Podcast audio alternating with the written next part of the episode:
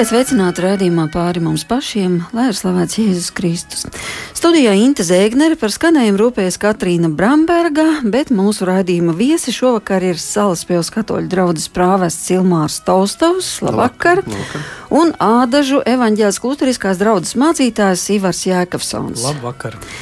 Mēs satiekamies 8. martā, kad joprojām notiek diskusijas par to, vai šim datumam pievērst uzmanību, vai dāvināt iemīļotajām sievietēm ziedus, vai arī šo pasākumu ignorēt. Un tomēr, tomēr ielās šodien redzēju gana daudz vīriešu, kuriem rokās bija ziedi, un tas nozīmē, ka daudzas sievietes saņēma kaut mazu kripatiņu no pavasara prieka, par ko saku paldies arī mūsu raidījumu viesiem. Taču runa šovakar nebūs par 8. martu, un arī ne par sievietēm, bet gan par sajūtām, ar kurām ir saskārušies tik daudzi un saskaras joprojām, proti par tuksnesi, kas dažkārt mēdz valdīt mūsu sirdī. Tas rodas no tik daudzām situācijām, nu kaut vai no tā, ka tev aizmirst pasniegt ziedus, ka tev aizmirst apsveikt dzimšanas dienā, kad bērni izaug un aiziet savā dzīvē un varbūt nedēļām nepavaicā, kā tev iet Kad ģimenē starp vistuvākajiem cilvēkiem izveidojas tūkstnesis, un kad šķiet, ka tu esi vienīgais vai vienīgā tāda uz pasaules, kura nevienam nav svarīga un vajadzīga, apkārt dzīves, smiekli, svētki, jautrība, bet tu uz to noraugies tā kā caur stiklu, un ir milzīga vientulība. Un tāda var būt nevien tad, kad cilvēks fiziski ir viens, bet piezogs pat tad, kad tev ir ģimene, bērni, draugi un svētki bet apslēptos un tev vien tādos sajūtamos dvēseles dziļumos valda tukšums. Un tad, protams, tas ļoti sāpīgi iedzeļ, it sevišķi tad, ja neviena nav blakus. Un tāpēc šovakar mēs gribējām parunāt par to, vai šādai vientulībai ir garīgi cēloņi, no kurienes šī sajūta, kāpēc tā rodas. Un kādā veidā tomēr piedzīvot dieva apsolījumu, kas ir atklāts svētajos rakstos, ka es esmu dzimis un pasaulē nācis, lai jums būtu dzīvība un lai jums būtu dzīvība pārpilnībā. Un šķiet, ka šī pārpilnība arī ietver to mūsu laimes sajūtu, ko mēs spējam pasauli uztvert tādās skaistās krāsās, ka mēs spējam priecāties par dzīvi, par to, kas mums ir dots, par tuviniekiem, ka ir šī nu, tāda laimes un svētku un prieka sajūta par dzīvi, kas mums ir dota. Diemžēl Nevienmēr tā ir, un ļoti bieži tā nav, un mēs zinām arī, cik Latvijā ir vientuļu cilvēku. Bet vispirms gribu pavaicāt, vai jūs kādreiz esat paši saskārušies ar šo sajūtu? Kad jums ir sajūta, ka jums ir iekšā tuksnesis, milzīga vientulība. Nu, man šķiet, pirmo reizi es tādu vientulību sajūtu skolas laikā, ka man likās, Es biju pārāk mazs augumā, un pārējiem draugiem, čomiem bija draugi vai draudzenes. Man likās, ka kaut kā nav labi. kaut kā nav labi tā viens pats. Tā pašā laikā es atceros, ka tie bija tādi mirkļi, kas parasti pārgāja.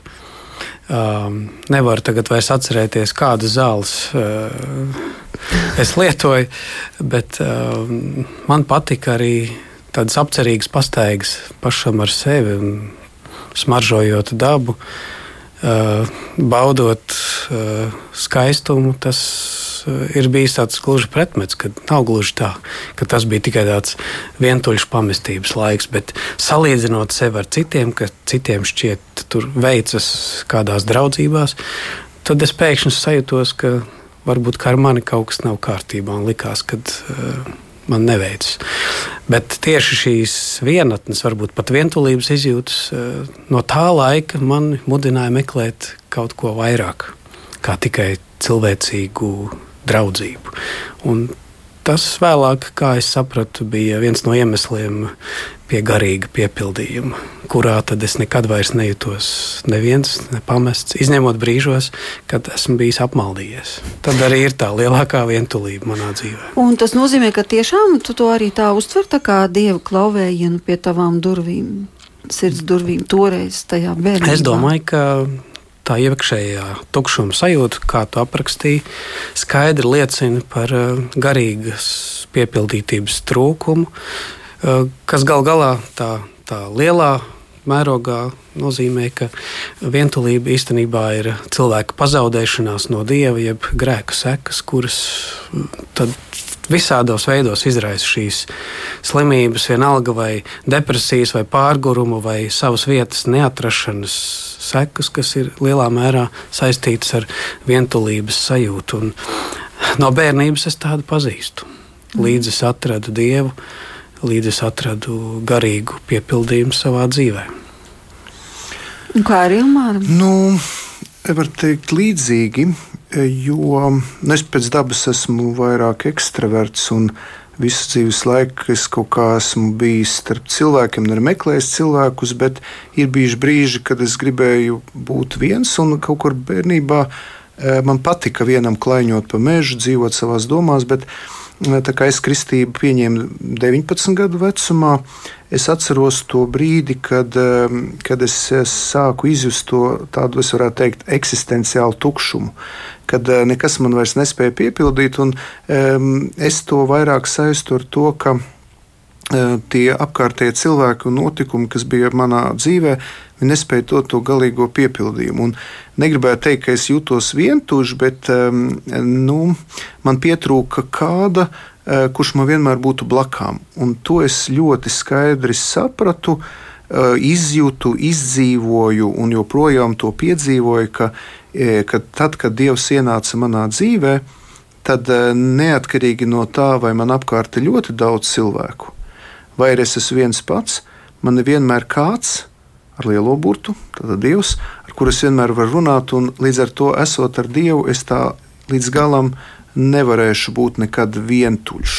Man vienmēr ir Viņš, kuram es ticu, ar kuru es runāju, eh, kuram es varu lūgt, eh, kuram es varu izkratīt savu sirdi. Ja?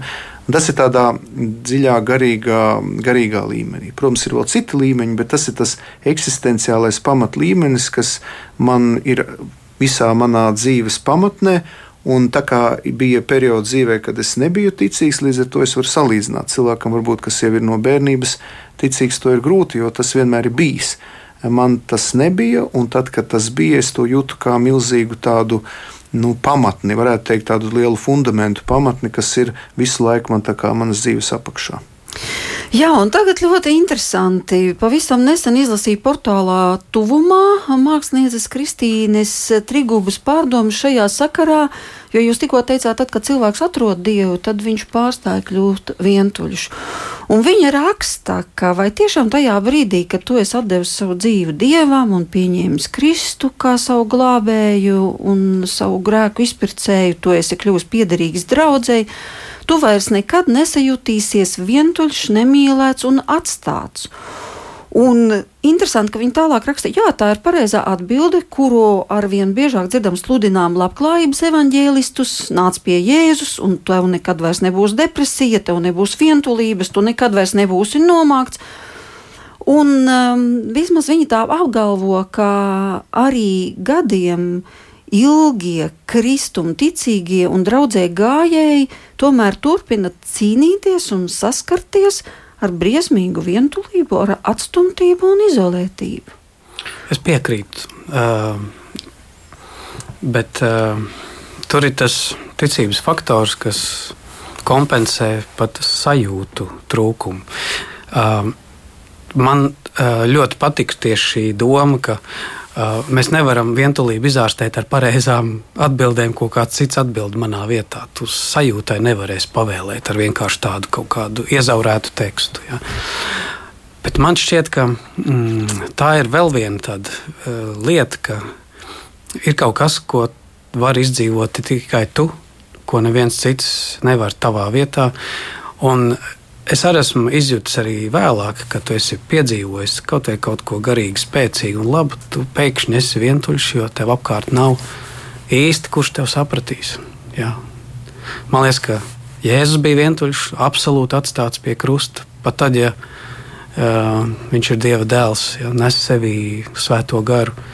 Um, Apostols Pāvils iespējams kaut kādā brīdī bija vientuļš jo apkārtējie līdz galam varbūt nespēja aptvert, nebijuši apveltīti ar tādu pašu pieredzi kā viņš.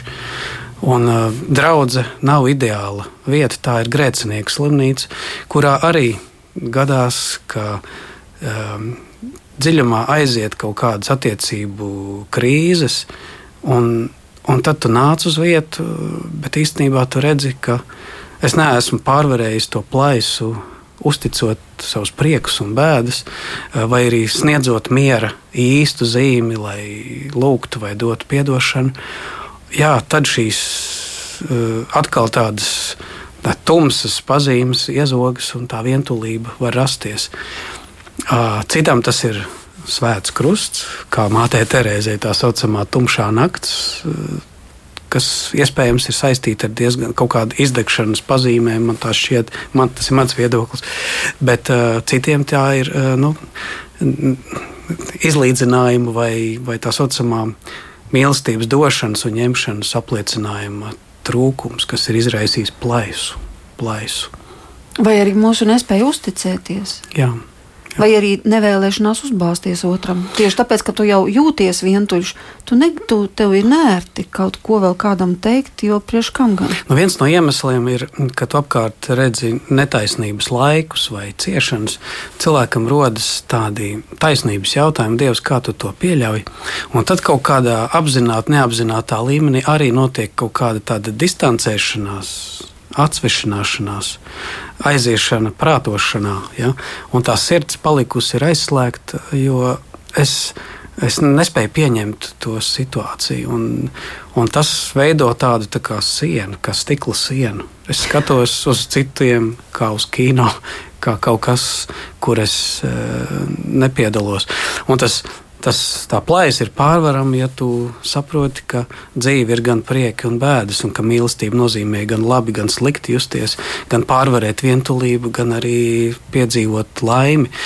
Un, uh, tieši tās bailes no sliktām sajūtām, jeb to slikto sajūtu, pat vientulības nepieņemšana ļoti bieži uh, ir iemesls nocietinātībai. Un cilvēks norobežojas.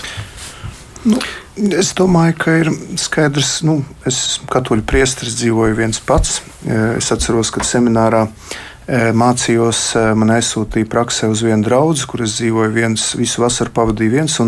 Es sev jautāju, vai es šādu vientulības dzīvesveidu varētu izvēlēties visu dzīvi, vai tas man ir no Dieva dots aicinājums. Un es saņēmu atbildi, jā, ka tas ir man ļoti atbilstoši. Ir ļoti interesanti, ka man atrodas ļoti daudz cilvēku apkārt, uh, bet tik un tā es negribu lietot vārdu vientuļš, bet eh, man ar Jēzu ir īpašas attiecības un zinu, ka tikai viņš man līdz galam sapratīs. Un šeit es gribu pateikt vienu lietu, ka mēs nedrīkstam, un es domāju, tā ir atbilde arī uz šo rakstu, kas bija portālā tūmā, ka bieži vien mēs jaucam um, garīgās ar psiholoģiskām lietām, jo arī svētais Jānis no Krusta runā par ticības nakti un jūtu nakti.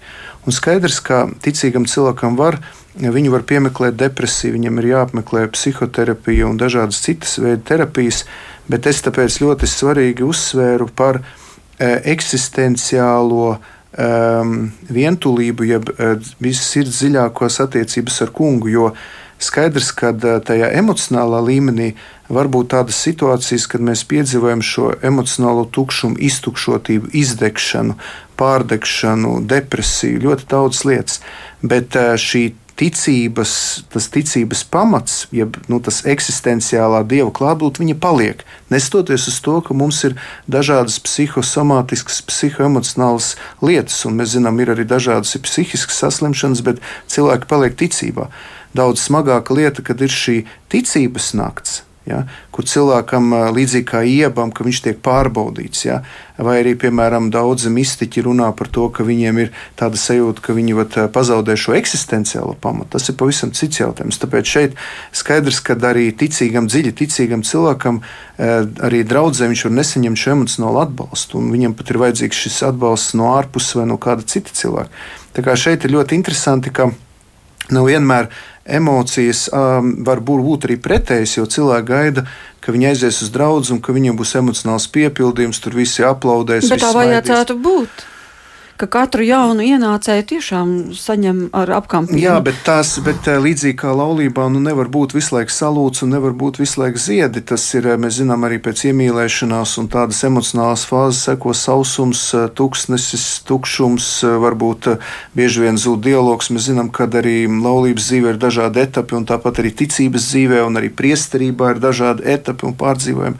Tāpēc mēs nevaram pilnībā idealizēt un pateikt, nu, kad, eh, jā, ka mums nebūs šī šādi emocionāli kaut kādi kāpumi, kritumi, tukšuma brīži, vientulības brīži, atrodoties lielā cilvēku pūlī. Bet visdrīzāk, ja Dievs mūs savā žēlstībā uztur un ir šī ticība žēlstība, tā ticība ir tas apakšējais fons, tā kā jūra viļņojas, ja, bet ir šis apakšējais pamatne, kas mūs notur pie kunga, neatkarīgi no tā, vai draudzene ir emocionāli tāda atvērta un priecīga, vai arī mēs esam draudzē, kurā nekas nenotiek, kur ir pilnīgs tuksnes, kur koris dzied šķībi, kur eh, mācītājs un priesteris neko iedzīgi nesaka, man viss tur iebjās un neviens pie manis nepiet. Bet tā, tā nevajadzētu būt. Bet tā ir, bet tā ir realitāte. Bet, nu, ticības auglis jau nav vienmēr tikai nu, emocionāls kāpinājums. Emocijas nav pašmērķis, tas ir eh, pavadošais dienas un naktis, kas pavada mūsu dzīvē. Ir miera stāvokļi, ir uh, lietus, lietainas dienas un ir saulainas. Bet um, ticība pieņem un atlaiž ar to, kas ir, un saka, visam ir savs laiks, laiks priecāties, bēdot, bēdāties, sērot un atkal dejot, apkamties un atvadīties. Visam ir savs laiks. Vai Bībelē mēs varam atrast kādus vientulības piemērus? Nu, man ieps nāk prātā. Bet es domāju, ja es, es piemēram, tagad tā jau arī uz šo raidījumu domāju par veco derību. Interesanti, ka vecajā derībā visi personāži, personas viņas vienmēr ir e, aprakstītas kopienas ietvaros. Mēs praktiski neatrodam, varbūt ir tāds e, tāds e, tēls, kurš būtu absolūti vientuļš. Jo mēs redzam, ka visa vecās derības vēsture runā par tautu. Protams, sākumā ir šie patriarhi, dievi izvēlētie cilvēki, bet ir arī tauta.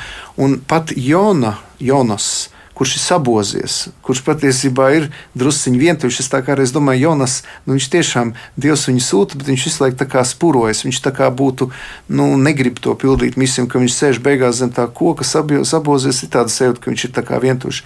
Bet var redzēt, ka visi šie cilvēki arī izcīna kaut kādu savas dzīves cīņu. Un tomēr e, viņi nekad nav e, palikuši pilnīgi vieni. Kad arī iebam tiek sūtīti cilvēki, jā, kas viņu mēģina atrunāt, tur vienmēr ir kaut kāds process. Bet, ja, ja es tā skatos, man pirmajā brīdī nāk iepas, protams, arī Estere, kura ir nostādīta smagā situācijā, kad viņai jāiet pie ķēniņa lūk par savu tautu. Bet tā, nu, tas, tas uz šo brīdi, ko es tā iedomājos. Bet Elija? Bet Elija viņš visu laiku atradās nu, tādā Nu, labi, saka. viņš cīnījās, cīnījās, cīnījās, bet vienu brīdi viņš aizgāja kalnā, un tad viņam likās, ka nu, viss pietiek. Ka viņš pat dzīvot negribēja. Bet es domāju, ka viņam bija īpaša dievu misija. Viņš bija ar dievu ļoti dzīvo kontaktā. Es tāpēc saku vēlreiz šādu e, psihoemocionālu vientulību. Es tā īsti neatrodu Bībelē. Varbūt e, pats pirmais slepkavs kas mm. nokāva savu brāli Kains. Mm. Par viņu saka tekulis un vēgulis tādos izteikti. Tur ir tāda tāda nu, bez savas vietas, bez, mm. bez, bez miera. Jā. Un Dārvids, piemēram, 25. psalmā eh, runā par vientulību. Viņš uh, saka, viņš izvilks no tīkla manas kājas, kungs pievērsies un žēlo mani. Es esmu vientuļš un nabaks. Jā, viņš izdzied. Un tālāk ir runa par to, kas sirdsēs ir samilzuši, uh, jūtos iežņaukts. Ja? Tu redzi manu postu un mokas, piedod man visus manus grēkus. Redzi, cik daudz man ienaidnieku sargā un glāba. Lūk, tur ir saistīts ar uzbrukumiem, ar morālu vainu.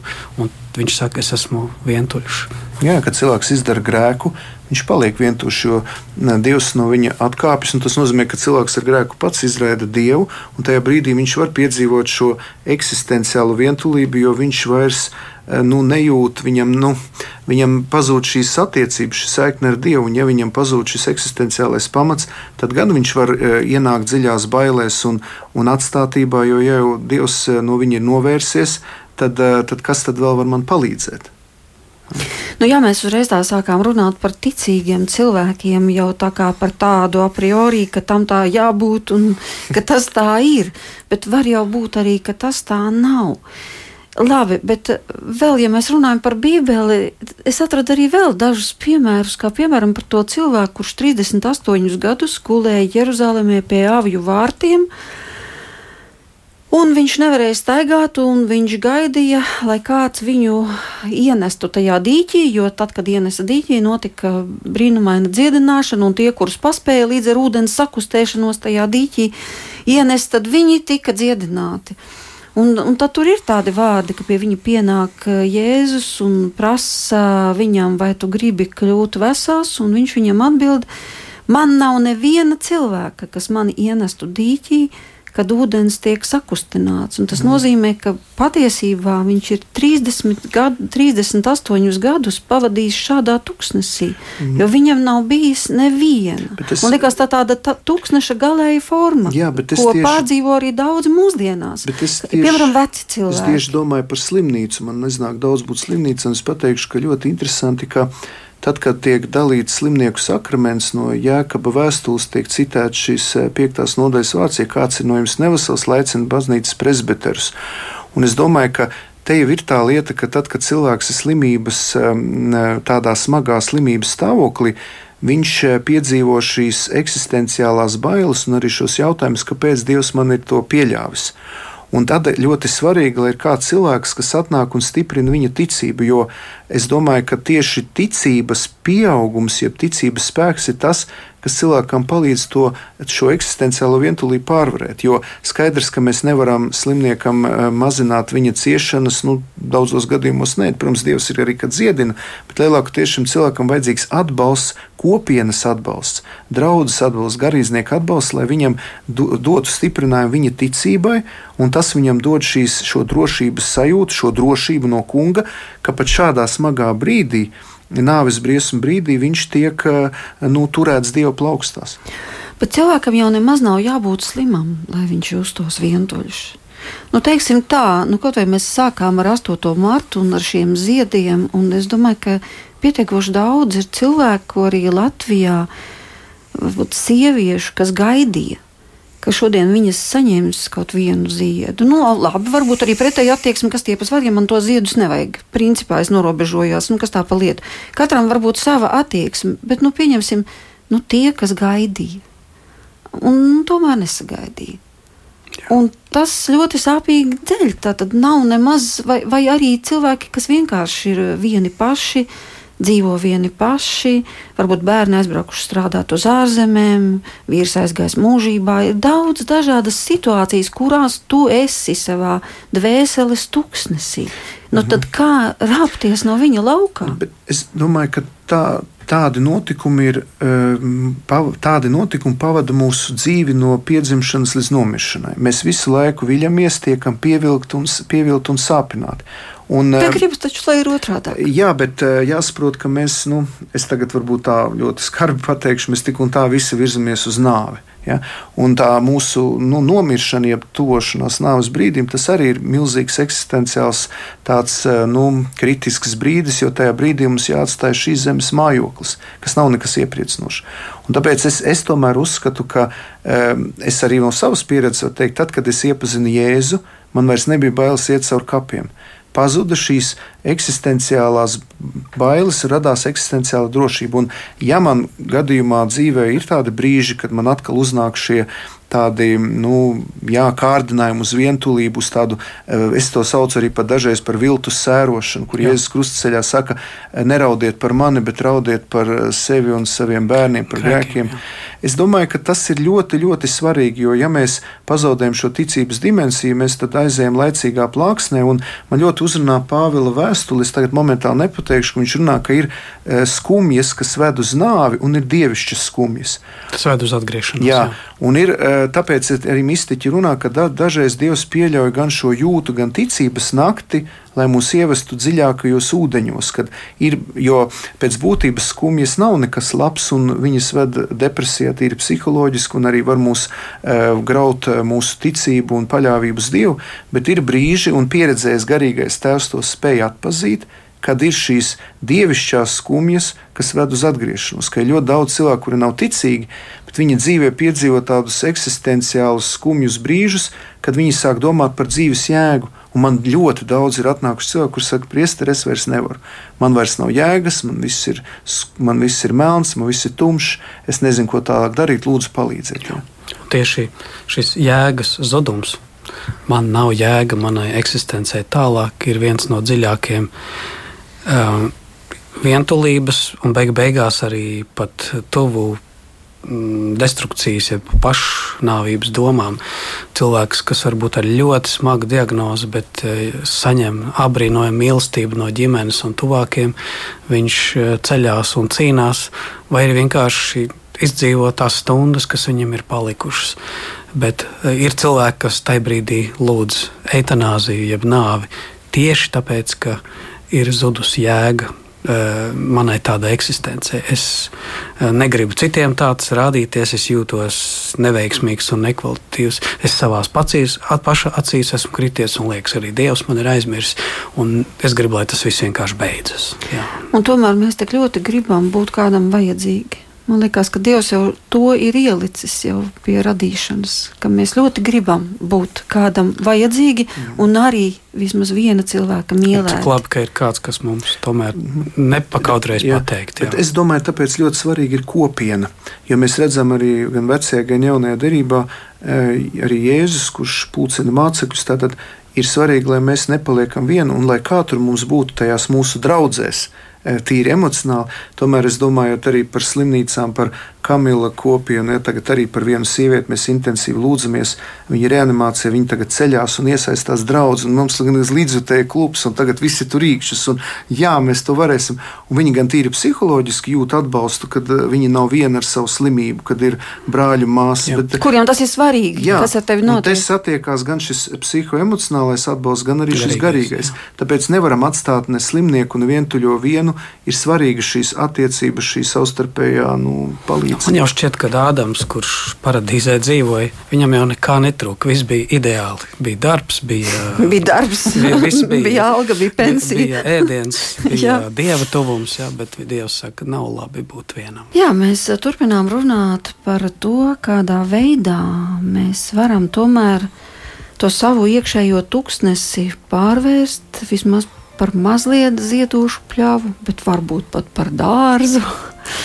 Bet tas nav tāds viena vakara jautājums, varbūt. Un tomēr mēs taču zinām arī gadījumus, kad cilvēks vēršas viens pats savā istabā pie dieva un saka, es nevaru vairs, ja tu tiešām esi, dari kaut ko un piepildi manu sirdi. Un tajā brīdī viņš piedzīvo pārdabisku pārvērtību.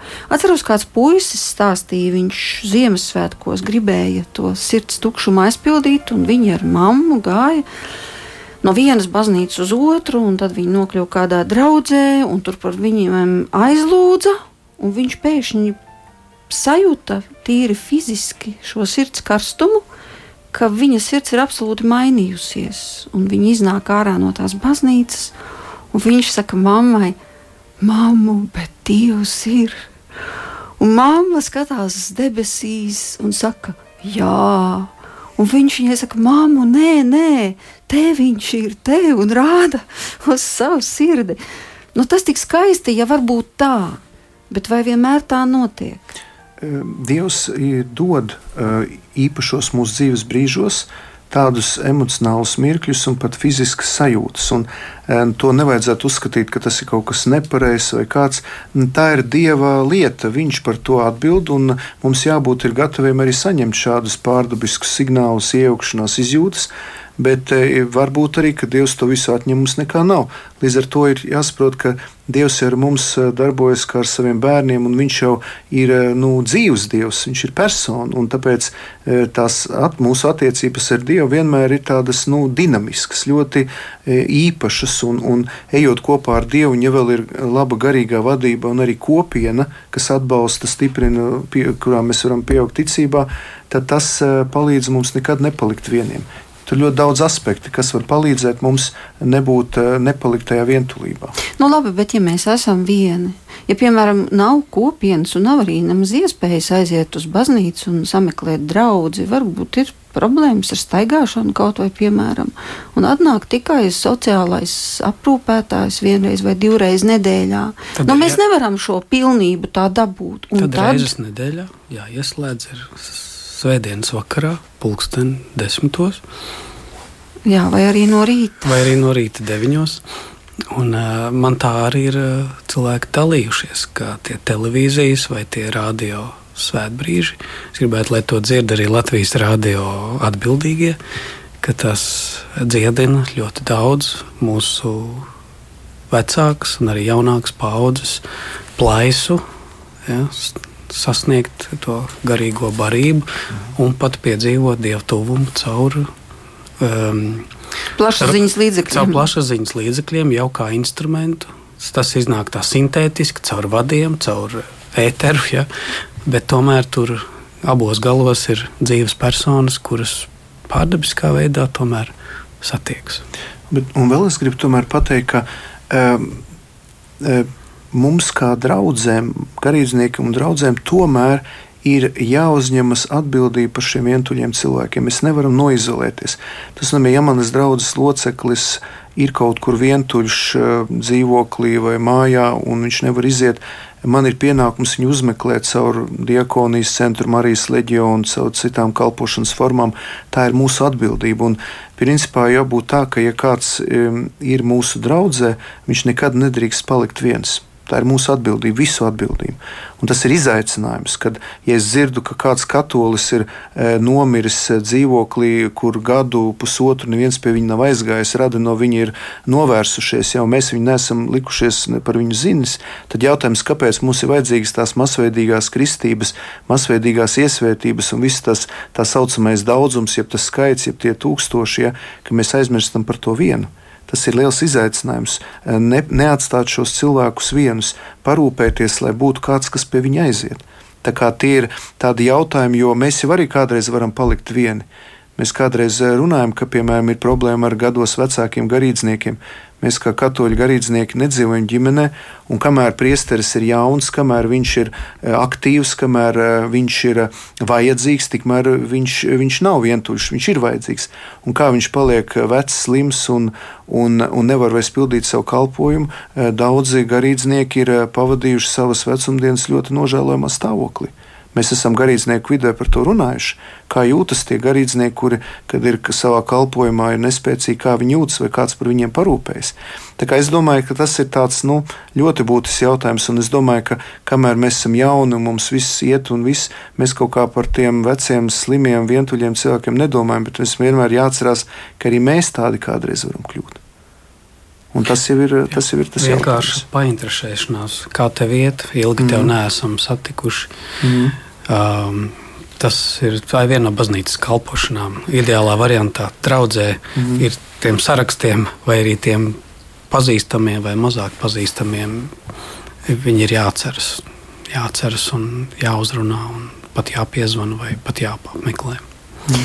Jā, bet ja mēs runājam vēl par šiem vientulības aspektiem, tad izrādās, ka Bībelē varam atrast vēl vairākus, kā piemēram Marta un Marija. Es nekad arī nebiju domājis, ka to ir tā iespējams nolasīt. Uh, ka Marija sēdēja pie Jēzus kājām, klausījās, ko viņš runāja. Tā tad bija absolūtā priekā, svētlaimē. Marta tikmēr skraidīja, rūpējās, rūpējās, gatavoja ēst, gatavoja ēst, un vienā brīdī viņai bija līdz kaklam, ka viņa skraida viena, un viņa saka, vai tevi kungs nerūp, ka es te viena rosos, un viņa ir dusmīga uz Mariju jau tajā brīdī, kur izvēlējusies labāko daļu bet ka bieži vien ir arī tā, ka to savu vientuli, ilgas, tos nepiepildītās ilgas, ka mēs tomēr mēģinam viņus ar kaut ko aizsmērēt. Tātad ar darbošanos, ar, ar sajūtas radīšanu, ka es esmu ļoti nepieciešams un es mēģinu darīt daudz, un līdz ar to, protams, cilvēki pie manis vēršas un prasa vēl vairāk, un līdz ar to tu sev pats mēģini apzināti vai neuz, neapzināti uzdabot to sajūtu, cik ļoti tu esi vajadzīgs. Bet tā iekšējā vientulība jau no Marta. tā nepāriet. Jā, tā Viņu nevar Marta. tādā veidā izārstēt. Iekrita. Tikai var radīt sev ilūziju vai vismaz ārējos apstākļus, cik ļoti, cik ļoti, cik ļoti tu esi vajadzīgs. Jā. Bet tā tava sirds jau runā kaut ko citu. Un tad vai nav tā, kā Svētais Augustīns saka, tas viņa slavenais teiciens, ka nemierīga būs mana dvēsele, kamēr tā neadusēsies tevī. Kungs. Es no savas puses varu liecināt, ka kopš eh, mans garīgais tēvs iemācīja man karmela iekšējās lūkšanas, klusās lūkšanas to ceļu, katru dienu atrast laiku, stundu pabūt kopā ar klusumu. Es varu teikt, ka tieši tas man ir devis to žēlastību, ka um, ne, neatkarīgi no tiem apstākļiem, kādi man ir dzīvē, caur šo iekšējo lūkšanu vai meditāciju, var to saukt arī par kontemplāciju, ļoti dažādi veidi, kad ir svarīgs eh, laiks atpūtai ar kungu. Un, kā jau teicu, visu laiku būt šajā eksistenciālā saitē ar radītāju, ar pestītāju, ar glābēju, ar manu kungu. Un tas palīdz, eh, ka ir tā, nu, okeānā ir vēji, viļņi, viss šļaka, tas laiviņa mētājas. Ja? Bet tu vari tā kā zemūdenī iet dziļāk ūdeni, tu peld un tu aiziet pilnīgi citā, citā tādā dimensijā, tā var teikt. Tā kā es domāju, ka tas ir ļoti, ļoti būtiski, ko izvēlējās Marija, un mums ir jāatrod laiks katru dienu personiskai sarunai ar kungu klusumā. Mums vienkārši jā, ir jāatrod. Jā. Bet ja arī tajā personiskajā sarunā, nu tagad es to sākšu darīt, jā, nu es savā istabā, apsēžos, nometos ceļos vai vienkārši apsēžos. Un tagad es saku, nu, Dievs, tagad es gribu būt ar tevi divatā bet es neko nepiedzīvoju. Tā es arī pasēžu savā istabā, tā es arī mm. pasēžu, tā es arī nesaprotu, kāds pie manis ir atnācis. Mēs bijām divatā, vai es biju vienatnē, vai tiešām tāpēc, to ir iespējams ne, piedzīvot. Tāpēc arī ir tie skolotāji, kā Svētais Ignācijas, arī Avils um, skolotāji, kas māca lūgties, un tas jau ir tāds ceļš, kurā mēs ejam kopā ar kungu. Un uh, interesanti, ka uh, lūkšanas augļi jau parādās pirmkārt citā pilnīgi veidā, dimensijā, un dažreiz ir, piemēram, iekšējā lūkšanā ir vajadzīgs 59 minūtes, lai pēdējā minūtē tu saņemtu tieši to, ko tev kungs tev saka. Un, protams, ka varbūt tā, ka lielāko lūkšanas daļu tu pavadi, lai apturētu savu galvas rotoru, kas griežās tajos milzīgos darbos, bet tev jāsasniedz tas Marijas stāvoklis, tev jānonāk tajā brīdī, kad Marija izvēlēs to labāko daļu. Ja Marta būtu nolikusi visas tās lietas un apsēdusies pie Marijas kājām, tiešām viņi arī būtu piedzīvojuši to, bet viņi jau to nedara. Ja? Un tu jau vari uh, lamāt uh, Mariju, uh, kāpēc viņa nepalīdz, ja, bet tev vajag pašam apsēsties. Ja? Tur jau tā lieta. Kamēr tu pats neapsēdies, tik Dieva tuvums ir uzticēšanās jautājums. Um, tas ir arī nu, svētos rakstos, nu, kristīgā tradīcijā balstīta pārliecība, ka Dievs ir klātesošs. Jautājums ir, vai es ierados apsēsties, vai es uh, apzinājos un apjautu, ka viņš tagad grib ar mani runāt. Vienalga, kādas sajūtas, tā ir viņa darīšana, vai mana ķermeņa fizioloģija, kura tā vai citādi. Citiem tas ir karstums, citiem tās ir tūdaļ asaras. Kaut kas kādas redzamas zīmes, kas signalizē uh, dieva tuvums, uh, atklājas ar kaut kādām sajūtām. Citreiz tas vairs pat nav vajadzīgs. Es tikai zinu, ka šis ir svēts brīdis, kurā mistiskā veidā man dvēsele satiekas. Caur rakstiem, caur vārdiem, caur to pašu tēvreiz, caur kāda psalma lasījumu. Es tikai gribēju piebilst visu laiku par to, ka labi, Marija apsēdās pie Jēzus kājām un izbaudīja Kristus tuvumu, bet ja mēs palasām citu vietu, Jāņa evanģēlī 11. nodaļā, kad tas Jēzus uh, ierodas savu draugu Lācaru modināt, Martas un Marijas brāli, tad uh, bija otrādi. Marija sēž mājās un raud, un neko nedara. Marta tikmēr ir jau pa ceļam satikusi Jēzu, parunājusies ar viņu, skrien atpakaļ un saka, mācītājs tevi sauc, celies, nav ko sēdēt, ejam, un ar visu Jēzu dodas pie kapa. Un tas parāda to otru pusi, kad ar sēdēšanu vienmēr nebūs līdzēts. Būs jāceļas augšā, jo ir jāiet uz sarunu. Jā. Ir jāiet uz sarunu.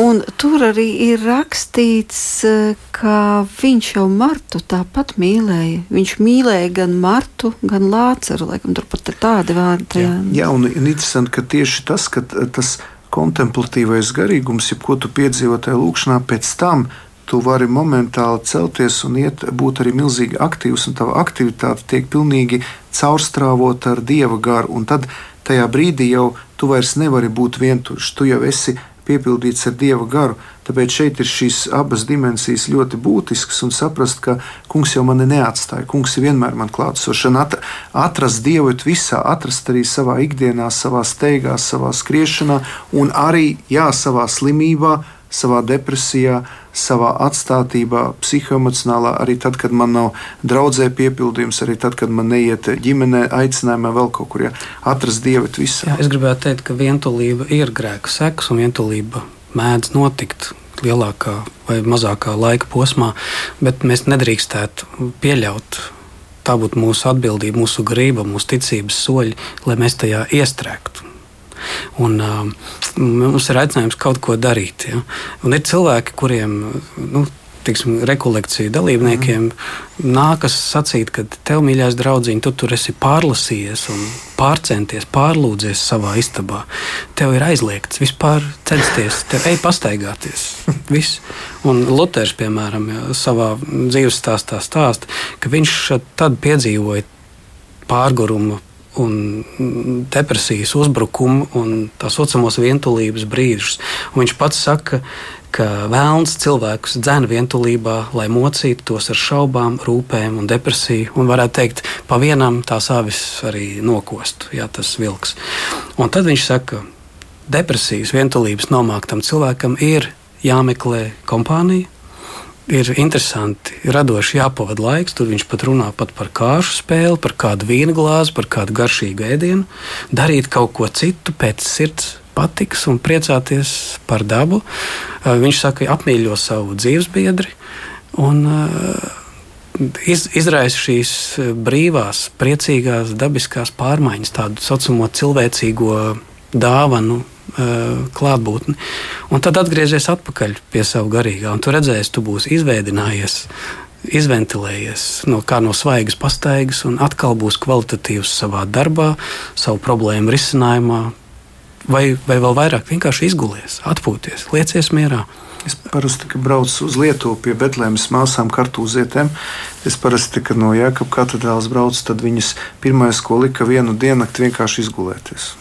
Mm -hmm. Tu nevari nekādas rekolekcijas sākt, jo uz tevi paskatoties, tu neesi normāls. Ja tu esi mm -hmm. tur pārkristījis bērnu, nu, kas saka, milzīgā slodzē. Ja Lai ir... telefons uztvertu, viņam jābūt Jā. uzlādētam. Jā, bet uh, mēs sākām runāt par to, ka cilvēks var piedzīvot, ja viņš no visas sirds, jo ir teikts, ja jūs no visas sirds mani meklēsiet, jūs mani atradīsiet. Ja cilvēks no visas sirds savā istabā apsēžās un saka, ienāc manā vientulībā, bet tajā vakarā nekas nenotiek, tad eh, es zinu, ir lasīts un ir dzirdēts par to, ka garīgie tēvi saka, ka Nepalieciet pie tā, Jā, ka pats galvenais ir patstāvība, pastāvība.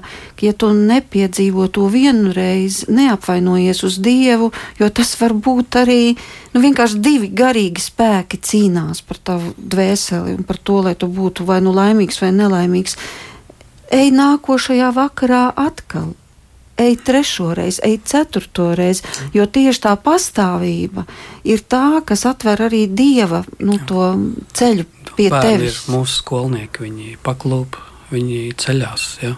viņi nepārdzīvo. Bet viņi ir arī neatlaidīgi, jā, ja viņi grib kaut ko dabūt. Viņos tā brīnišķīgā enerģija, kuru Jēzus ir ielicis mums par piemēru, ka viņi paklūpot ceļās, kā viņi mācās staigāt, runāt. Tas Viņam nav kaut kāda baigie uzstādījuma par sevi. Viņi nokrita, labi, nokrita, paraudāja, ceļos augšā, mēģina vēlreiz.